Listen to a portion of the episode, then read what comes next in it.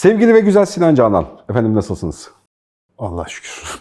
Böyle dediğin hep kendimi kötü hissediyorum ama iyiyiz demek adettendir, iyi değil. Bir böyle gereksiz ortamı yükselten diyaloglar falan. Vallahi şey gibisin şu eskiden Vahşi Batı'da şifalı sular satan satıcılar olmuş ya. Ladies and gentlemen. Kellere ilaçlama falan. en son IBM'in işe alımla alakalı insanlarda aradığı özellikler listelerine baktığımda bir şey fark ediyorum. Bu bir yandan hoşuma gidiyor. Bir yandan da artık spesifik bir değişimin eşiğinde olduğumuzu da görüyorum. Şimdi eskiden teknik özellikler aranırdı. Bazı programları yapabiliyor olma, bazı işte e, yazılımları yazabiliyor ya da kullanabiliyor olma gibi yani hani sabit ölçülebilir bir beceriler. İşte şunlardan mezun musun vesaire gibi şeyler. Şimdi baktığımda işte 10 e, maddelik listenin ilk 3 maddesini, 4 maddesini hızlı değişen iş proseslerine adapte olabilme, ekip gerçek ekip çalışmalarının içerisinde yer alabilme, ekiple beraber olabilme, eleştirel bakabilme ve hemen hepsinde neredeyse en ön sıralarda olan şu öz disiplin geliştirebilme gibi kavramlar yer alıyor. Şimdi biz bunlara eskiden bunlar fantazi diyaloglardı. Hani biz temenni ha, temenni gibi konuştuğumuz şeylerdi bunlar. Ekip çalışmasına uygunum falan. Yani bu ölçülebilir bir şey değil ya yani. Ekip Herkes TV'sinde ve tavsiye mektubunda bunları yazardı. Yazardı ama ya bu bir temenni yazısıydı, içeriğiydi. Şimdi artık e, temenni olmadığını, artık ölçülebilir bir matematikte bunlara bu insan kaynaklarının da e, performansının çok artmasıyla, şirket ilişkileri içerisinde etkin yer almasıyla bunu artık belli kademelerde ölçülebilir hale getirerek önemli kriterlerden bir tanesine dönüştürdüklerini fark ediyorum. Teknik özellikler zaten teknik özellik. Zaten hani hangi kademede nasıl bir iş arıyorsan o teknik özelliği zaten biliyorsun ama onun üzerinde etkin bir değer olarak sen ekip çalışmasına uygunsun, değilsin ya da işte sen öz disipline sahipsin, değilsin gibi kriterlerin yer aldığını görüyorum. Şurada bu öz disiplin, öz güven gibi temel kavramları tekrar bizim bir elden geçirmemiz gerekiyor. Geçtiğimiz videolarda, soru yorumlarda ve can cananlarda çeşitli biçimlerde konuya yaklaştık ama gel şu öz disiplini tekrar bir elden geçirelim. Çünkü bu dönemin en ana iki fil ayağıymış gibi görünüyor. Bir tanesi öz disiplin, ötekisi de odaklanma. Yani odaklanabilme becerisi geliştirme hali gerçekten önümüzdeki 10 yıl en temel mesleki beceri kalıplarının içerisinde yer alacakmış gibi görünüyor. Odaklanmayı da sonrasında Bizim konuşuruz. Bizim zaten çıkmayı yaptığımız hikayelerin ana amacı olan başlıkların bu gereksinim listelerinde sıklıkla artan sayıda görülüyor olması evet. da enteresan. Evet. Yani zamanın ruhuyla ilgili bir şey. Bu arada ben çok yakın zamanda Türkiye'nin çok önemli holdinglerinden bir tanesinin yeni neslinin şeyindeydim. Onlarla beraber bir kamptaydık. Üniversite çağında işte yeni bitirmiş falan birkaç gencimizle beraber olduk. Mesela orada bu özlü parametrelerle ilgili kendilerine verdikleri puanlar hiç iyi değildi. Ve bu gerçekten çok şaşırtıcı. Mesela özgüven, öz disiplin falan. Herkes kendine işte en iyi veren 3 puan verdi yani öyle söyleyeyim 5 üzerinden. Böyle 2 puan, 1 puan. Bir arkadaşım şöyle yaptı onu hiç unutamayacağım yani. yarımdan bir falan gibi o konuda çok eksiklik hissediyoruz mesela. Ama orada işte o tip durumlarda bu kavramları tekrar bir yeniden tanımlayıp evet. da bu nedir evet. diye sormanın önemini gördük. İnşallah burada da senin ama o konuda bir şeyin var. Yani ya. sen çünkü bu konuyu belki de benden evvel eziyordun. Yani çünkü biz konuşmaya başladığımız otomatik olarak bu kavram masaya gelenlerden biriydi bu öz disiplin hikayesi. Ee, ee, ben senin ona, bir tanımı var. Evet. E, sonra senin de buna çok benzer bir yerden yaklaştığını görünce bu azıcık sohbetini yaptık daha evvelden. Daha da hani rahat tarif edilebilir bir yere geliyor. Önce şu özgüvene bakmak, sonra özgüvenden öz disipline doğru hareket etmek gerekiyor. Özgüven hikayesindeki kullanılan öz kavramının o felsefede sohbeti geçen öz mü varlıktan önce gelir, varlık mı özden önce gelirdeki öz olduğunu fark ediyorum aslında.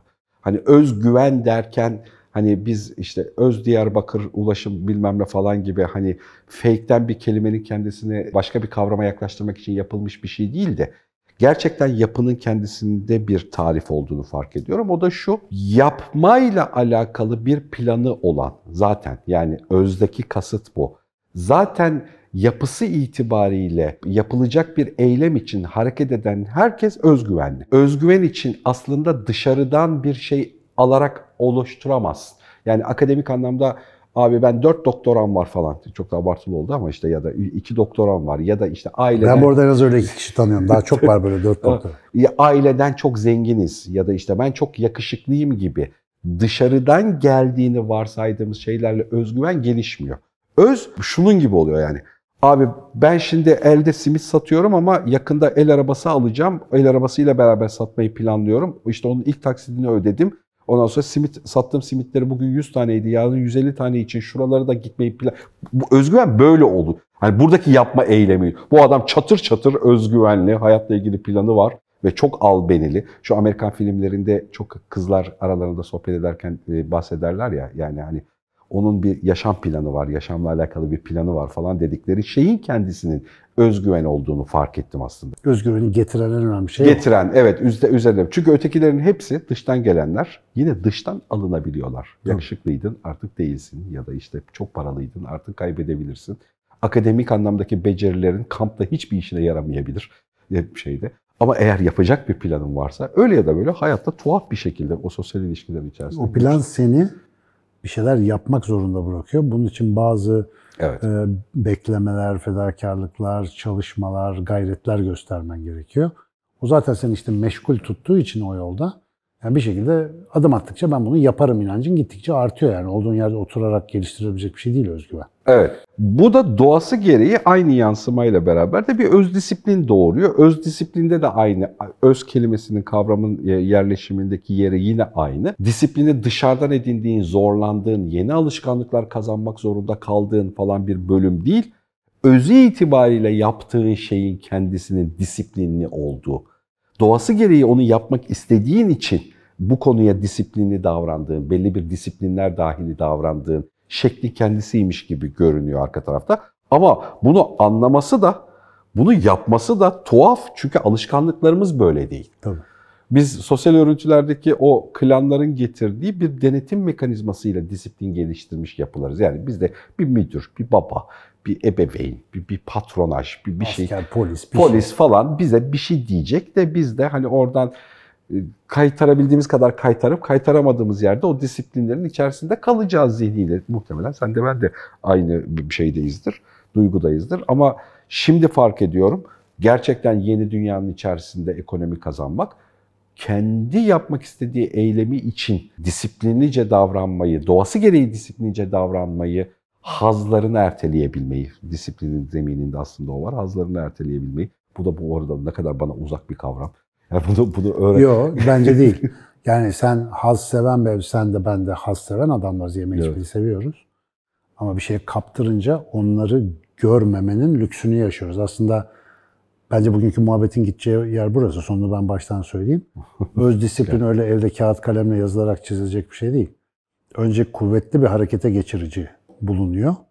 Bir neden bulunuyor. Bir hedef konuyor. Bir plan yapılıyor. Adım atılmaya başlıyor. Evet, o neden ve amaç bulunurken kesinlikle hazlarla çok paralel oluyor aslında. Tabii, tabii. Ama sonra o yolda gittiğini fark ettiğinde dur lan yemeği sonra yerim, bu eğlenceyi sonra yaparım. O kızın o adamın peşinden daha sonra giderim falan gibi. Hayatı işte Tesla'nın garip biyografisinde gördüğümüz gibi kendini icada kitlemiş insanları falan bile ortaya çıkarabilecek bir disiplini aslında hayatta zuhur ederken görüyorsun. Yani o böyle işte dediğin gibi dışarıdan gelen bir şey değil. Bu arada öz kavramıyla ilgili söylediğin şey şimdi ilk defa bir şey düşündürdü. Uzun zamandır insanlara ben nedir sorusunu soran birisiyim ya ben. Ben dediği şey ne kitapta işte İFA'nın son bölümü hep bununla ilgili falan. Hakikaten insanların büyük bir çoğunluğu, ben bunu teorik olarak biliyordum ama soruya aldığım cevaptan pratik olarak da birçok insanın kendini zımnen beden olarak algıladığını fark ettim hadi biraz kendini aşmış gözüken de zihin ya da duygu olarak algılıyor kendini ama öz bunların hiçbirisi değil. Yani kızlar konusunda çok özgüvensiz, acayip yakışıklı ve yapılı tipler tanıyorum. Hı hı. Mesela bize vücutsal olarak gereken bütün ekipman okey ama acayip özgüven eksiği. E, öz beden olaydı en özgüvenli arkadaşın o olması lazım. Çünkü konu bedensel bir şey yani. Ya da ne bileyim her türlü bilgiye haiz mesela böyle hakikaten kafası kütüphane gibi tipler sosyal ortamda orada burada aşırı özgüvensiz olabiliyor. Çünkü o zihnindeki bilgiler ya da işte deneyimler neyse o güveni sağlayan şey değil. Yani öz güvenmek başka. Öz ne beden ne zihin olmayan sen. Yani daha doğrusu tam Türkçeyi doğru kurayım. Ne, ne beden ne zihin ne duygu olan sen. Bunların hiçbirisi olmayan bir şey o. Şimdi beden yediklerinden birikiyor. Hafıza yaşadıklarından birikiyor hasper kadar. Duygular deneyimlerinden geliyor. E bunların hepsi benim deneyimlediği birikimler aslında. Yani beden nasıl konuştuk ya el sen misin senin mi? Hı hı, e, bu, bu el benim yani ben değilim. Beyin de öyle, vücudun her tarafı da ben değil, benim. Zihin de böyle, hatıralar da böyle, duygular da böyle. E, dolayısıyla o öz dediği şey işte felsefede töz, tikel, fütür, fütür falan diyorlar ya. Hı hı. İşte o böyle bir soyut bir şey aslında. Bu dünyayı deneyimleyen varoluşun bizim işte simgesel olarak tarif ettiğimiz şekli. Buna güvenmenin aslında ya da bunun güvenle hareket edebilmesinin vasatlarını aslında anlamaktan bahsediyoruz. Mesela işte o kendilerine çok düşük puan veren genç arkadaşlarla da konuşuyorduk geçen gün. Mesela benim kafamda şöyle çalışıyor işte kelimeler üzerinden gitmeyi seviyorum ya. Veliler bazen çocuğumun özgüveni eksik, ben özgüvenli çocuk istiyorum falan diyorlar. Özgüven nedir diye sorduğumda 5 dakika sonra hepsinin bildiğin atarlı ve terbiyesiz çocuk arzu ettiğini öğreniyorum. Yani vurana o iki tane çaksın falan. Öğretmeni gık yapınca o atar yapsın, böyle ortalığı karışsın. Halbuki özgüven böyle bir şey değil. İlk etapta da anlatamıyorsun ama özü biraz önceki bir kenara koyalım. Güvene bakalım mesela. Güvenmek. Nedir güvenmek? Biz yanında kendimizi emniyette hissettiğimiz, sıkıştığımız durumda desteğini alacağını umduğumuz şeylere güveniyoruz. Ve benim güvenle ilgili hep en sorduğum soru işte dünyada en çok kime güvenirsin? İnsanlar acık düşününce hemen anne diyorlar. Ölmüş ya da hayatta olsun hiç fark etmiyor. Anne figürü çoğu zaman en güvenilir varlık. Peki anneye güvenmemizin tem sebebi ne? Kas gücü mü? Şimşek saçan bakışları mı? ne bileyim çok iyi terlik fırlatması mı? Bunlar hiçbirisi değil. Anne bizim için her türlü fedakarlığı yapacağını bildiğimiz neredeyse tek varlık olduğu için babalardan özür diliyorum. Ben de bir baba olarak performansımız o kadar iyi değil. Ama anne gerçekten hayatını gözünü kırpmadan feda bir yapılanmaya sahip olduğu için fedakarlık karşılığında müthiş bir güven hissediyoruz mesela anne figürüne karşı. E şimdi güven fedakarlıkla böyle bağlantılıysa, bir insanın özüne güvenebilmesi için bu fedakarlık meselesini bir ele alması bence faydalı olabilir. Mesela kendimiz için, yani özümüz Güzel için, bir yerden yaklaştın. Tabii tabii. Ya bu ilginç çünkü bende çalışıyor. Özümüz için ne fedakarlık yapıyoruz ki özümüz bize, biz özümüze güvenelim. Mesela fedakarlık derken nedir? Yeme içmeyi kesemiyorum abi. İşte sosyal medyayı kısamıyorum abi. YouTube çok güzel. Sinema, tiyatro, arkadaşlar lay lay lom. Ama işte birisi de bana para versin de ben rahat rahat yaşayayım falan. Şimdi böyle bir ikilem içerisindeyiz ama bazı tipler diyor ki yarın o lay lay lom hayatı yaşayabilmem için bugün şunu şunu yapmam lazım ki ben şu amaca gidebileyim. O zaman mesela onların hepsini bugün de yapabilecekken fedakarlıklar yapmaya başlıyor. Özün senin için fedakarlık yani senin onun için fedakarlık yaptığını deneyimlediği zaman bir güven ilişkisi gelişiyor. Sen kendine yatırım yapan, kendini geliştiren, bir amaç doğrultusunda kendine inanıp adım atmaya cesaret eden bir insan oluyorsun artık. İşte özgüven dolayısıyla zuhur eden bir şey. E biz ne yapıyoruz abi? Eğitime bak, kültüre bak. Şırıngayla özgüven yüklemeye çalışıyoruz. Ya, önce bir kere hepsini ciğerinden söküp alıyoruz çocuğun. Denileni yap. Bak Hatice'nin oğlu ne biçim yapıyor sen yapamıyorsun. Hep bir şeyde senden daha iyi olanları gösterip sen aptalsın, salaksınla yüklenen bir kültürel kodlar dizgesi. E bunların içerisinde öz nerede, güven nerede? Bunda zaten işimiz yok. Sonra yaş kemale eriyor. Mesela ilk aşama atıyorum üniversite zamanındasın, üniversiteyi bitiriyorsun, hayata atılacaksın. Olan chat GPT çıkmış, YouTube zibilyon tane parlak fikirle dolu. Herkes senden daha akıllı, daha mutlu, daha güzel gözüküyor sosyal medyada. Ne halt diyeceğim ben? Sen evde pijamayla böyle süklüm püklüm oturuyorsun. Dünya almış başını gidiyor gibi. Ve hakikaten elin kolun kalkmıyor. Mesela burada işte tam iç keşif yapmanın işaretlerinin geldiği yer. İşte burası ben ne istiyorum, ne seviyorum falan ama çocuk ne yapsın 15 senedir hiç sormamış, sordurmamışlar. Öyle bir imkanının olduğunu bilmiyor gariban. Yani ben oturayım da bir kendime sorayım falan yok. Deneyim yok ki. Dolayısıyla bunu işte birbirimize hatırlatma. Mesela benim en çok önemsediğim kısım burası. Biz mesela gençlerle bir buçuk gün kadar beraberdik. Abi ben bu kadar, ya benim de onların da şaftımızın kayacağını hesaplamamıştım. Mesela hakikaten sokakta bu konuları konuşan yok ya. Konuşulmuyor bunlar. Yani herkes bir şeylerin peşinde ama neyin peşinde olduğumuzu bile tarif etme gibi bir ihtiyacımız yok. Başarı istiyoruz, ne olduğunu kimse bilmiyor. Mutlu olmak istiyoruz, kimse ne olduğunu bilmiyor. Özgüven istiyoruz, bir haberiz. Öz disiplin dediğimiz meselede IBM isteyince merak ediyoruz. Ne ola ki? İşte öz disiplin bu fedakarlık alışkanlığı. Yani şimdi bunu kenarda tut. Mesela benim şimdi kendim gibi bir gür saçlı arkadaşla oturup burada 2 saat, 3 saat lafın belini kırmaktan daha iyi yapacak bir işim yok mu? Ama burada ben bir toplumsal fayda üretiyorum. Gidip orada kebapları gömmektense oturup burada zaman geçirmek benim için iyi oluyor. Bak bu şeylik değil, âli cenaplık, fedakarlık falan değil. Bana iyi geldiğini öğrendiğim bir şey. Ve bir süre sonra beni kendine daha güvenli bir insan yapıyor. İşte burada laf biriktiriyoruz, fikir e, kazıyoruz. Sonra gidip kitap yazıyoruz, orada burada anlatıyoruz ama yani hayatı bu şekilde yaşayarak hayattan hasat almayla ilgili bir şey özgüven ve öz disiplin. Yoksa dışarıdan böyle birinin sana dayatmasıyla falan öz disiplin olamayacağı gibi bizim mesela öz disiplinimizi öldüren en önemli etken de şey bu geleneksel disiplin. Çünkü bak şimdi polis yoksa arabayı bırakır Bağdat Caddesi'nin ortasına. Türk böyledir yani. Ama öbür tarafta adam Allah görüyor gibi. Allah yani biz nasıl inanırız ya Allah görüyor diye sözde. Adam devlet sanki Allah gibi görüyormuşçasına her yerde, tuvaletteyken bile adam o kurala göre hareket ediyor. Çünkü orada sistem oturmuş. Ona öyle bir özgüven verilmiş. Ee, bir yandan da tabii orada başka bir değişken daha var. O sistem dediği şeyin önemli bir parçası olduğunu da düşünüyor kendisi. Tabii ki. Bütün o yüzden kendisine parçası. zarar vermek istemiyor aslında. Arabayı o yüzden oraya bırakmıyor. Çünkü diyor bu bana ait bir şey gibi diye hissediyor. Sistem onu besliyor, o sistemi besliyor. Evet. Dolayısıyla bunu yaparsa kendi bindiği dalı keseceğini Kes, fark ediyor. Evet, öyle bir şeye karşılık geliyor. Ee, öz disiplininle alakalı şöyle bir problem olduğunu, disipline yaklaşırken böyle bir problem olduğunu fark ediyorum. Biz 1990'ların o modernist anlamlar, hikayeler kalıbıyla bu dönemi anlat, tekrar inşa etmeye çalışıyoruz ya saçmalaşıyor, çelişkiler oluşuyor.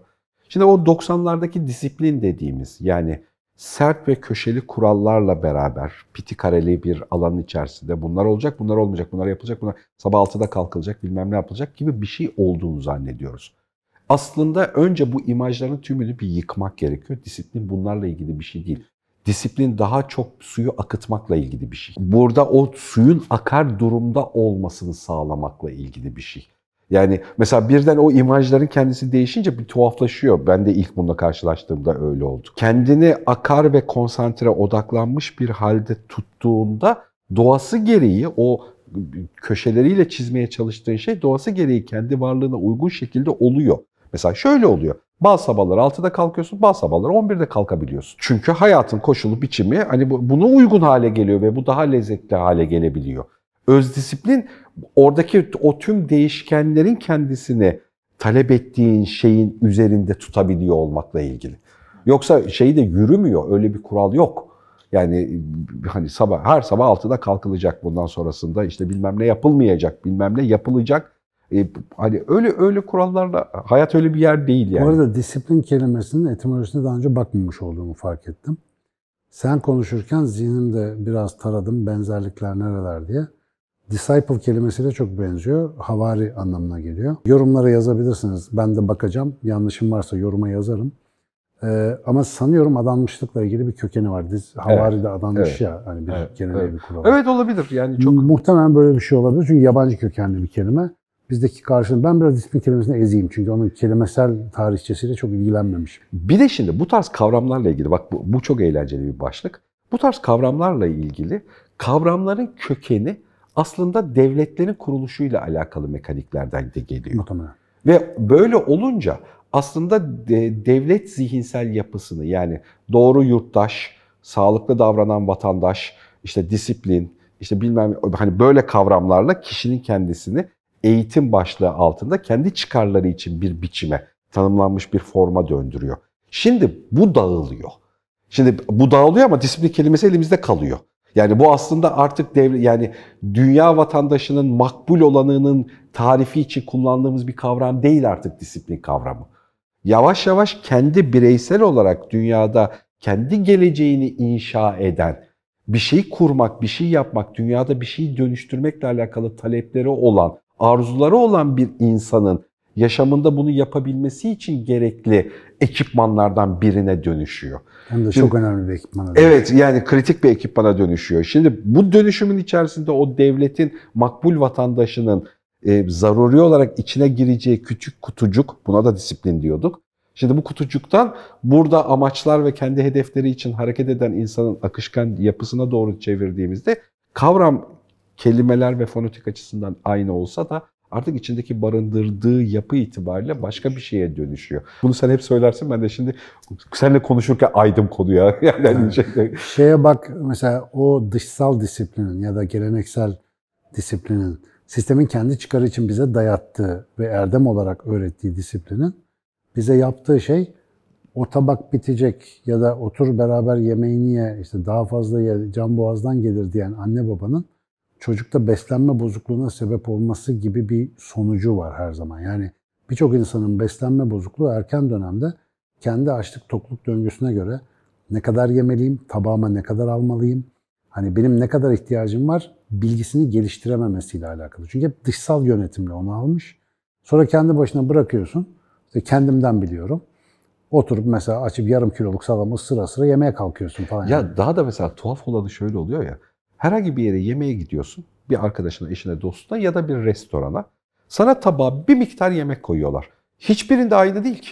Tabii. Hiçbirinde patlıcanın büyüklüğü aynı. Sen her seferinde bir tabak yemek yiyorsun ama Tabii. bazı oraya üç kepçe koyuyor, bazı iki kepçe koyuyor, bazı yani hani bu mesela çok tuhaf değil mi bir şeyde? Yazık. Bizim bizim gibi mesela benim gibi kültürde yetişenlerin açık büfedeki imtihanı hiç bitmiyor mesela. mesela. Benim yaşım 50'yi geçti.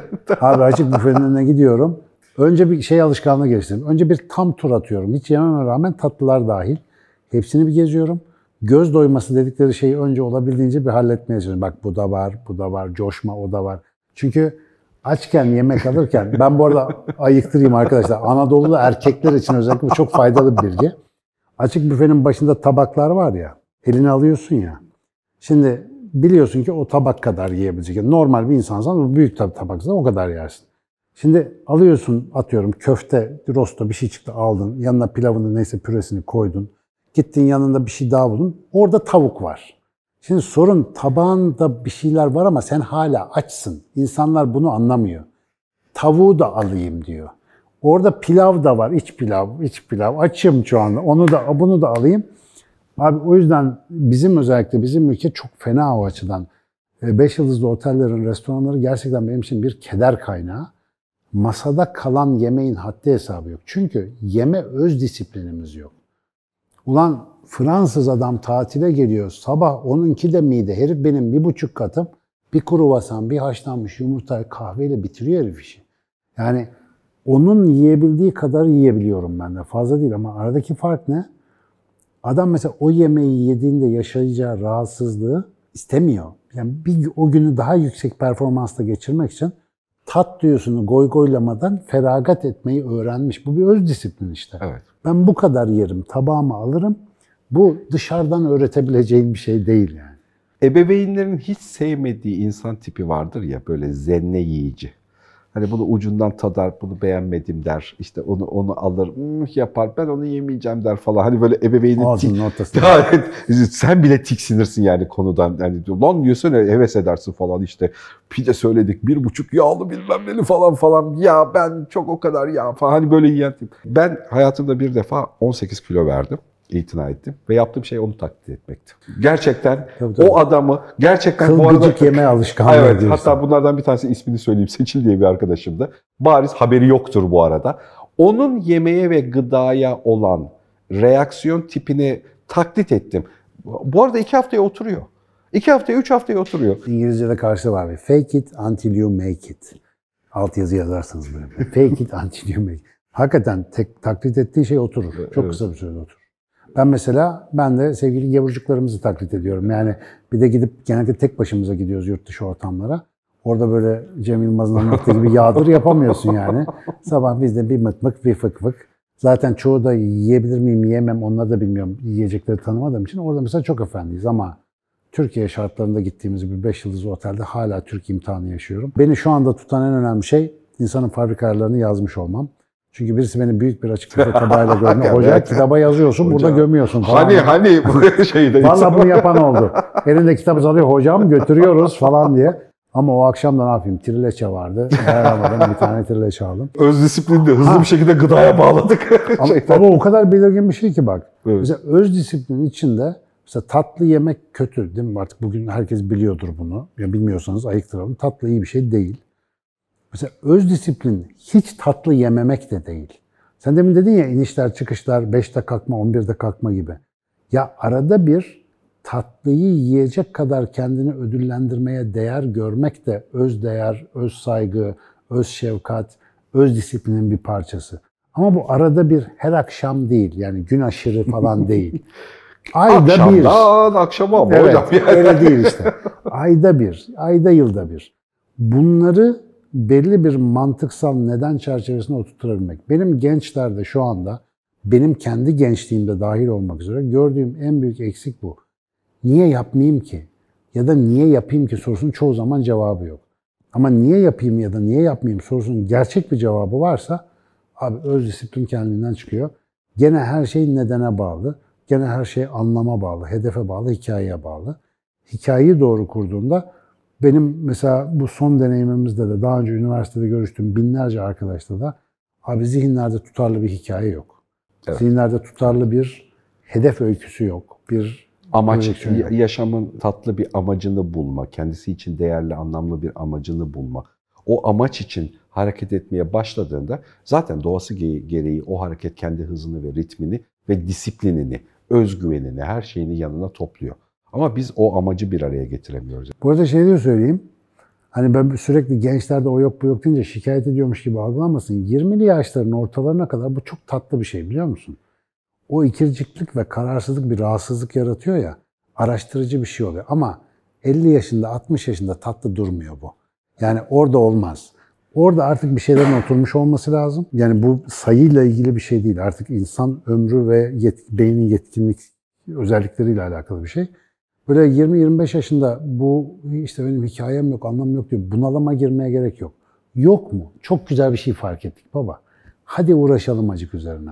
Şimdi çocuklara genellikle soru soruyoruz gençlere. 25 sene sonra ne ol, ne yapmayı hayal ediyorsun yani 25 sene sonra kendini görebiliyor musun? O soruyu sorup bırakırsan çocuğun iki gün uykusu kaçıyor. Ulan herkes hayal ediyor ben edemiyorum 25 karanlık falan. Esas konu orada yok mu bir görüntü? Hadi yapalım. Ya böyle bir imkanımız var yani. Burada özgürsün. Öyle bir meditatif uygulamamız var mesela işte. Böyle biraz hafif yarı trans benzeri bir duruma nefes egzersiziyle falan geçiyorsun. Sonra bir kapı var. O kapıyı açıyorsun işte imajiner bir yerde. Kapının arkasında senin 30 yıl sonraki evin ya da iş yerin var. Giriyorsun. Ne var? Onu izliyorsun sadece. Hiç burada bir ön hazırlık falan yok. O kapıyı açınca daha önceden söylemiyorsun nereye gideceğini ama o anda spontan olarak bir şeyler çıkıyor. Ya bazıları orada kapıyı açıyorlar ve uzay boşluğu var mesela. Hiçbir şey yok. Çünkü ileriye hayal etmekten o kadar korkuyor ki bunda en önemli nedenini söyleyeyim. Etrafta onu yaparken gördükleri kimse yok. Etraftaki herkes idareyi maslahat haldır küldür. Öz disiplini, öz saygıyı, öz şefkati genel olarak hayat neşesini, neşvesini öğrenmenin en kestirme yolu, bak söylüyorum, çok az formül veririm, bu bir formül. Yapanını bulup paçasına yapışacaksın yapanı görürsen sen de onu taklit ederek yap. Yap. Senin yemek disiplini gibi işte. Seçil. Kesin, kesinlikle katılıyorum ama burada belki de dünyada hiçbir dönemde olmayan bir sorun durumu var. Hayatımızdaki şimdi sorduğumuz sorularla ilgili, şimdi edindiğimiz bakış açılarıyla alakalı hiçbirimizin önünde bir kanaat önderi yok. Yani hiç ya bu konuyla alakalı bireysel olarak sorun yaşayan, şimdi başına gelen şeylerle alakalı Bundan 100 sene öncesinde varmış arkadaş yani modeller varmış. Seversin sevmezsin. Değiştirerek kullanırsın kullanmazsın. Ama şimdi sorduğumuz ve yaşadığımız şeylerin hiçbiriyle alakalı ee, şey yok. Model yok. Yani sonuçta full paket aramaya gerek yok. Hepsi parçalı. Market kalabalık olduğu için toplaya toplaya gezeceksin abi. Şimdi açık büfede nasıl parça parça öyle yani. Multidisipliner bakacağız konuya e, diyorsun. Tabii. Yani hani insanların full paket yok. Bu. İşte bazen bana sana hocam hayranım diyene gerçekten endişeyle yaklaşıyorum evdeki halimi görmeyin. Yani ekrandaki gibi olmuyor her şey. evet yani hani öyle bir tarafı da var. Yani bunu birçok videonun içerisinde söyledik ama e, yarım bıraktığımız belki 100 tane böyle başlık vardır ama bu konunun buna ihtiyacı var. Üzerine bir tur düşünüp gelmeye.